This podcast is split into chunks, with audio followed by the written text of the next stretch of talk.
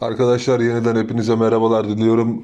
Bugün sizlerle ülkemizdeki göçmen sorunu hakkında konuşmak istiyorum. Çünkü malum e, 2011 yılında ortaya çıkan Suriye İç Savaşı sonrasında ülkemizde çok fazla e, göçmen mülteci bulunmakta. Bu konu hakkında konuşmak istiyorum. Çünkü bu konu bizim ülkemiz için e, fazlasıyla önemli. Diğer ülkeler için de elbette göçmen sorunları, problemleri var. Biz kendi ülkemiz için e, konuşacağız. Bu sorunun üzerine gidilmesi, bu sorunun çözülmesi, bu sorunun çözümü hakkında muhataplarının çözüm üretebilmesi gerekiyor. Hazırsanız bu konuyla başlıyoruz.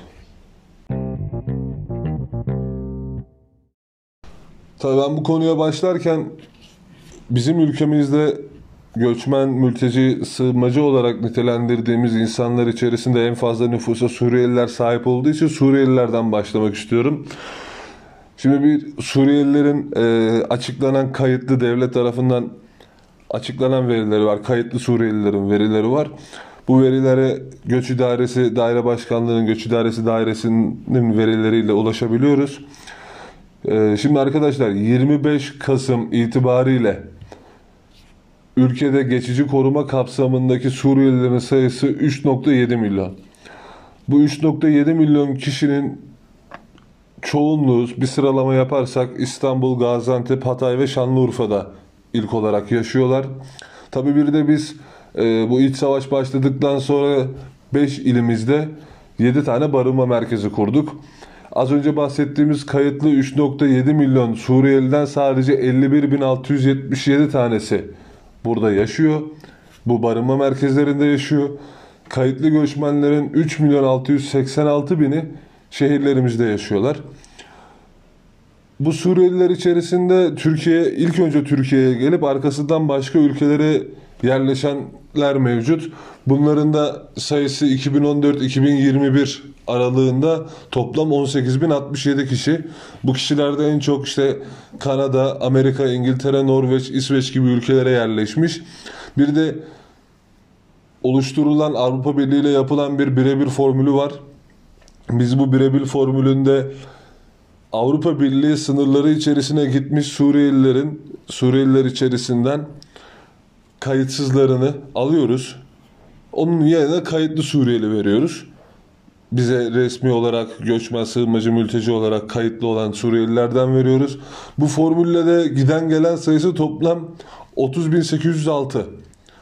30.806 kişi içerisinde en büyük alanı Almanya'ya gidenler ve Almanya'dan aldıklarımız karşılıyor. Onun da yaklaşık 12, 12 bine yakın özür diliyorum 12 bine yakın kadar bir sayısı var. İşte arkasından Fransa, Hollanda, Belçika geliyor Almanya'nın arkasından. Bir de resmi verilerle en son 2019'da işte e, Cumhurbaşkanı Recep Tayyip Erdoğan'ın açıkladığı 40 milyon dolar kadar bir para harcadığımızı söylemişti. Aynı yıl içerisinde bugün Zafer Partisi Genel Başkanı olan Ümit Özdağ bu sayının 58.2 milyon TL olduğunu söylemişti. Ee, işte devletin açıkladığı sayılara göre yapılan hesaplarda yaklaşık bizim Aralık 2020'ye kadar harcadığımız paranın 71.8 milyon olduğu söyleniyor. Ee, yine Ümit Özdağ'ın bahsettiği, verdiği rakama göre 90 milyon dolara yaklaşık şu an için 2021 yılına kadar harcadığımız bir para var. Tabi bu az önce bahsettiklerim e, açıklanan veriler.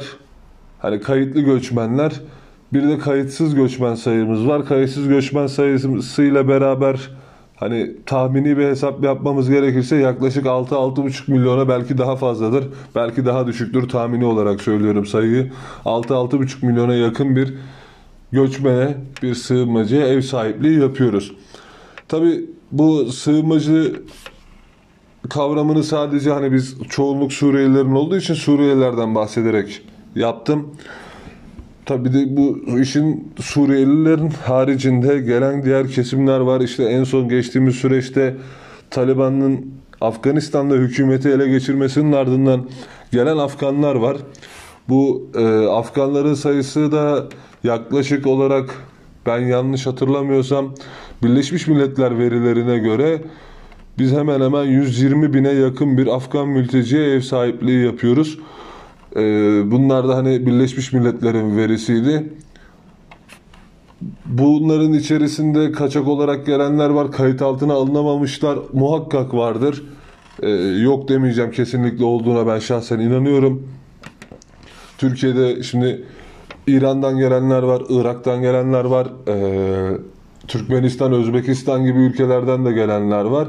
Hani yaklaşık tahmini olarak söylemem gerekirse az önce söylediğim gibi 6-6,5 milyon kadar bir Suriyeli ev sahibi, e, mülteciye Suriyelilerin çoğunluğunu oluşturduğu bir mülteci topluluğuna ev sahipliği yapıyoruz. Tabi bu kadar Suriye, Suriyeli, Afgan, İranlı, Iraklı mültecilere ev sahipliği yapmanın da bizim ülkemiz için oluşturduğu hem maddi hem manevi zorluklar ve sıkıntılar muhakkak mevcut. Bunu hemen hemen hepimiz e, çevremizdeki insanlar bir şekilde ya da dolaylı olarak bu sorunla karşı bu sorunla karşı karşıya kalabiliyoruz. Bu sorunlardan en en büyük olabilenlere olanı benim gözümde e, ahlaki yapıdan kaynaklı. Bu ahlaki yapı içerisinde çerçevesinde bahsettiğim şey e, öncelik olarak bu insanlarla özellikle Afganlar olmak üzere bu insanlarla bizim bir e, toplumsal farklılığımızın olması. Elbette bizim de kültürümüzün e, o coğrafyalardan aldığı, o coğrafyalardan kalan özellikleri mevcuttur ama özellikle Afganlar için konuşmamız gerekirse örneğin Afganlar bizim 100 yıl gerimizdedir. Yani e, toplum olarak değerlendirmemiz gerekirse Suriyelilerin bir 50 yıllık bir gerililiği mevcut olabilir diye düşünüyorum. Gelenlere baktığım zaman e, tabii ülkemizde maalesef toplumsal evrimin tamamlanmamış bu insanların bir anda halk arasına karışmış olmasından kaynaklı çıkan sorunlar var. Özellikle tırnak içerisinde belirtiyorum kadınların özgür olduğu bir ülkede bir toplumda yani e, Suriyeli, Afgan ve diğer göçmenlerin kadınlarımıza karşı sergilemiş oldukları hal hareket ve tavırlarda fazlasıyla sıkıntı ve sorunlar mevcut. Ee, bunun haberleri de muhakkak yaşanıyor. Gençlerimizde, genç çocuklarımızda e, yaşadıkları problemler var. İş hayatında yaşanılan problemler var. Okullarda yaşanılan problemler var. Belki de problem olmayan alanlar olabilir ama ben çok vakıf değilim. Hemen hemen kimle konuşsam, kiminle e, bu konu hakkında sohbet etsem maalesef herkesin bir şikayetinde mevcut olduğunu görebiliyorum. Tabi bu boyutları değerlendirirken e, hani iğneyi kendimize çuvaldızı başkasına batırmamız lazım. Biz maalesef toplumumuz da toplum ahlakı olarak zayıflamaya başladı. Yani e, toplum ahlakı dediğimiz zaman bunlar sadece belli başlı kalıpsal taşlar değil. İşte bir önceki bölümde bahsettiğimiz mesela stokçuluk vesaire bu tarzlar hak, hukuk, adalet konusundaki toplumun kendi içerisindeki hak, hukuk, adalet kavramlarında da sıkıntılarımız var. İşte biz bu sıkıntıları e, aşmadığımız sürece bu insanlarla da iletişimimizde ya da bu insanlara olan düşüncelerimizde de e, problem yaşamaya devam edeceğiz. Şöyle bir örnek vereyim. Bugün ülkemizin herhangi bir şehrinde e, bir sanayi sitesine ya da küçük bir esnaf lokantasına, mağazasına gittiğiniz zaman muhakkak bir göçmenle karşılaşabilirsiniz. Garsonluk yapabilir, bulaşıkçı olabilir, vali olabilir. Ee, Birçok noktada varlar. Bunun en büyük nedenlerinden biri hani e, daha doğrusu şunu önce şunu söyleyeyim. Buradaki sıkıntı bizim daha fazla para kazanma hırsımızdan kaynaklı. Geçtiğimiz bölümde bahsettiğimiz gibi, bölümlerde bahsettiğim gibi askeri ücretten bahsederken dedim ki askeri ücretin de işverene bir maliyeti var. Küçük esnaf, e, küçük sanayici bu maliyetten kaçıyor. Bu maliyetten kaçmanın da en kolay yolu ucuz iş gücü olan göçmenler. Bir Türk çalıştırmanın bugün işverene maliyeti maaş açısından bakarsak sadece 4000 lira. Yani bir Türk eleman çalıştırmak istese askeri ücret üzerinden minimum 4000 lira yani bunun içerisinde yolu, yemeği, sigortası vesairesi hariç e, maaş olarak 4000 lira ödeme yapması gerekiyor. E, bu işverenimiz de diyor ki akıllılık yaparak işte ben bir Suriyeli bir Afgan çalıştırırım daha ucuza çalıştırırım. Evet e, daha da ucuza çalıştırıyorlar yıllardır da çalışıyorlar. Ama ondan sonra da çıkıp ben Suriyelilerden, Afganlardan, Iraklılardan vesaire adı artık her neyse e, göçmenlerden rahatsızım diyor. O zaman rahatsız olmama gibi bir, olma gibi bir şansın yok. Ben rahatsız olabilirim ama senin olma gibi bir şansın yok. İş yerinde Suriyeli çalıştıran adam Suriyelilerin arkasından konuşuyor. İş yerinde Afgan çalıştıran adam Afganlar Taliban'dan niye kaçtı diye konuşuyor. Hem bunları yapıp hem de şikayet ediyoruz. Yani biz önce toplum içerisindeki, kendi toplumumuz içerisindeki bu birbirimiz için de, geçerli. Türk toplumu, Türkiye Cumhuriyeti içerisinde yaşayan insanlar içerisinde de geçerli. Biz önce bir kendi toplumumuz içerisinde birbirimize saygımızı bir sağlayabilelim. Tekrar onu bir kazanabilelim. E bunu iş ahlakına tekrar erişebilelim. İş ahlakı e, benim için mesela çok şahsen çok önemli bir kavramdır. Bu kavrama erişebilelim. Ondan sonra bazı şeyleri eleştirelim ve değiştirmeye değiştirmeye yönelik hareketlerde bulunalım, isteklerde bulunalım. E bu insanların bir de diğer konu olarak eğitim boyutları var.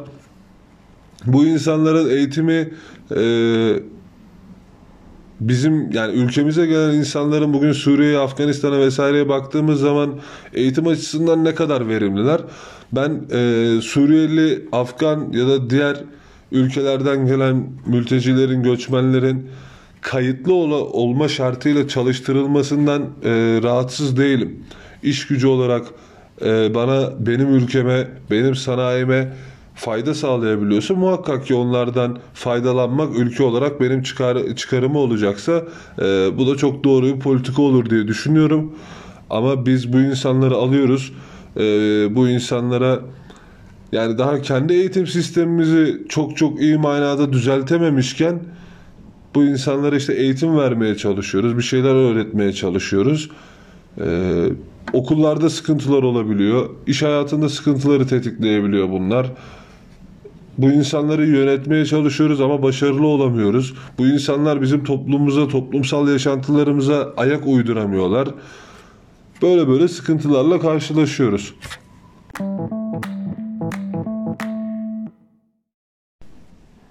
Peki bu göçmenleri, sığınmacıları, mültecileri geri gönderebilecek miyiz? Malum e, gündemi takip edenler muhakkak bilecektir. E, Bolu Belediye Başkanı'nın göçmenler hakkında bazı çıkışları, e, söylemleri ve hareketleri var. Bunlar mesela e, Bolu'da faydalı olabiliyor mu, faydalı oldu mu? Gerçi kendisini geçtiğimiz günlerde bir televizyon yayınında takip ettim. Oradaki açıklamalarını da çok e, memnuniyetle karşıladım ben şahsen. Özellikle bazı gazetecilere karşı olan dik duruşu beni çok memnun etmişti orada. E, çözüm olarak ne yapabiliriz? Kısaca buna gelebiliriz. Çözüm olarak Bolu Belediyesi'nin yaptığı gibi şeyler yapabilir miyiz? Belki yapabiliriz ancak bu uluslararası kamuoyunda bizim için e, muhakkak olumsuz bir izlenim bırakacaktır. E, buradaki ülkemizde yaşayan her konu hakkında çok apolitik kalanlar ya da çok e, tatlı düşüncelere sahip olan insanlar karşı çıkacaktır. Ancak arkadaşlar kusura bakmayın bunun bir de gelecek boyutu var. Örneğin 93 yılında yaşanan İran'ı 93 yılıydı yanlış hatırlamıyorsam eğer yanlışsa özür diliyorum.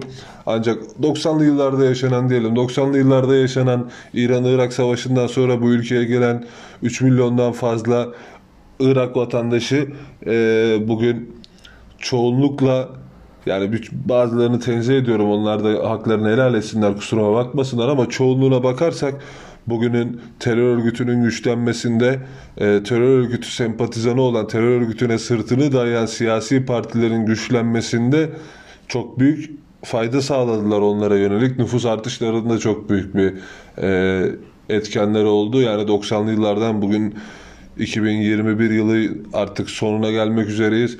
Azım sanmayacak kadar nesilleri oldu.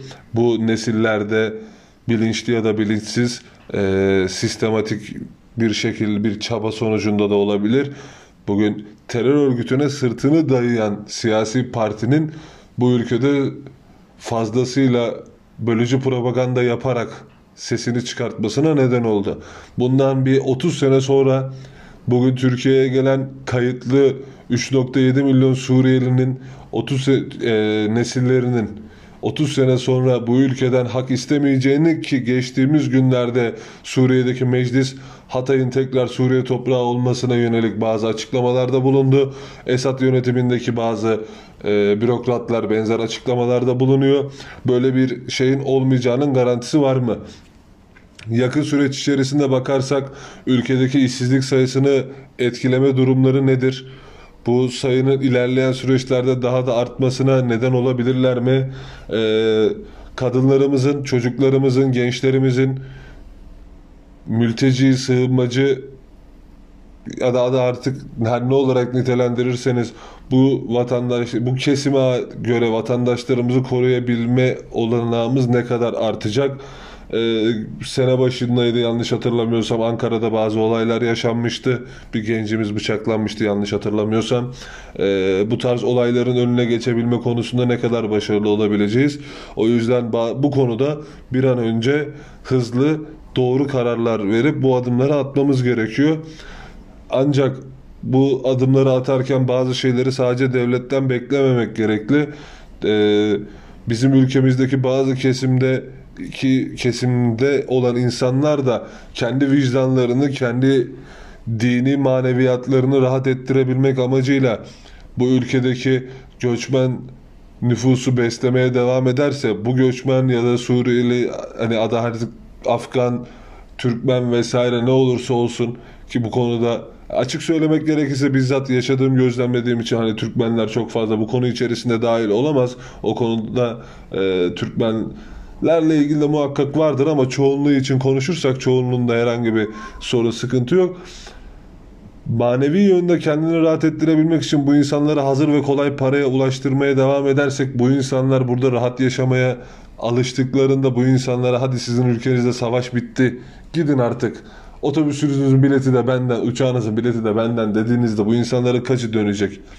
Yani bugün bazı sivil toplum kuruluşları sırf e, kendi fonlanmalarından kaynaklı o konu hakkında fonlandıkları için ülkedeki bazı kesim insanların dini duygularını sömürerek hareket ediyor.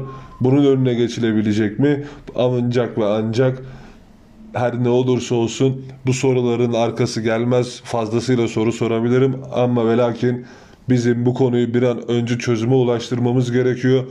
Ee, örneğin Ümit Özdağ'ın bahsetmiş olduğu işte 10 sene ikamet ettikten sonra oy kullanma hakkı verilsin tarzındaki şeyler.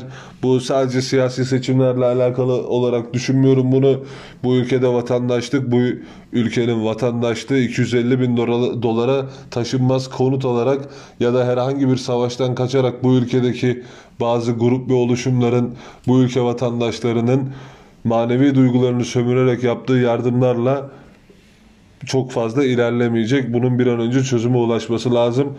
Bizim asli olarak vatandaşlığımızı bu toprakları bizlere vatan bahşeden, vatan eyleyen ecdadımızın mirasına sahip çıkıp Ulu Önder Mustafa Kemal Atatürk'ün bizlere emanet ettiği coğrafya içerisinde, vatan içerisinde bu vatanı en iyi şekilde kalkındırmalı ve bu konuyu bir an önce çözmeliyiz.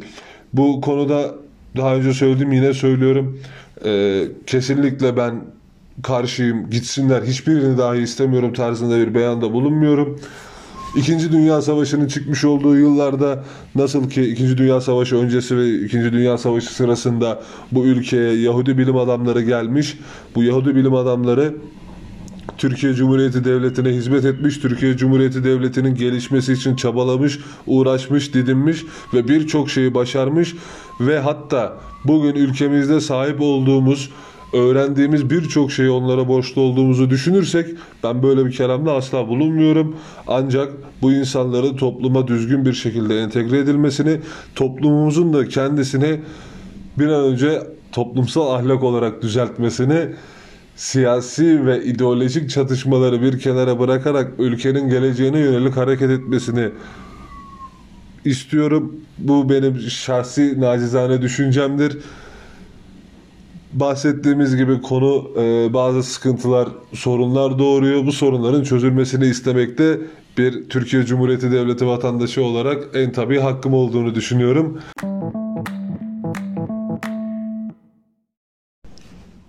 Bu konudaki düşüncelerim, fikirlerim de bu şekildeydi. Dinlediğiniz vakit ayırdığınız için çok teşekkür ediyorum. Bir sonraki bölümde görüşmek üzere. Hoşçakalın.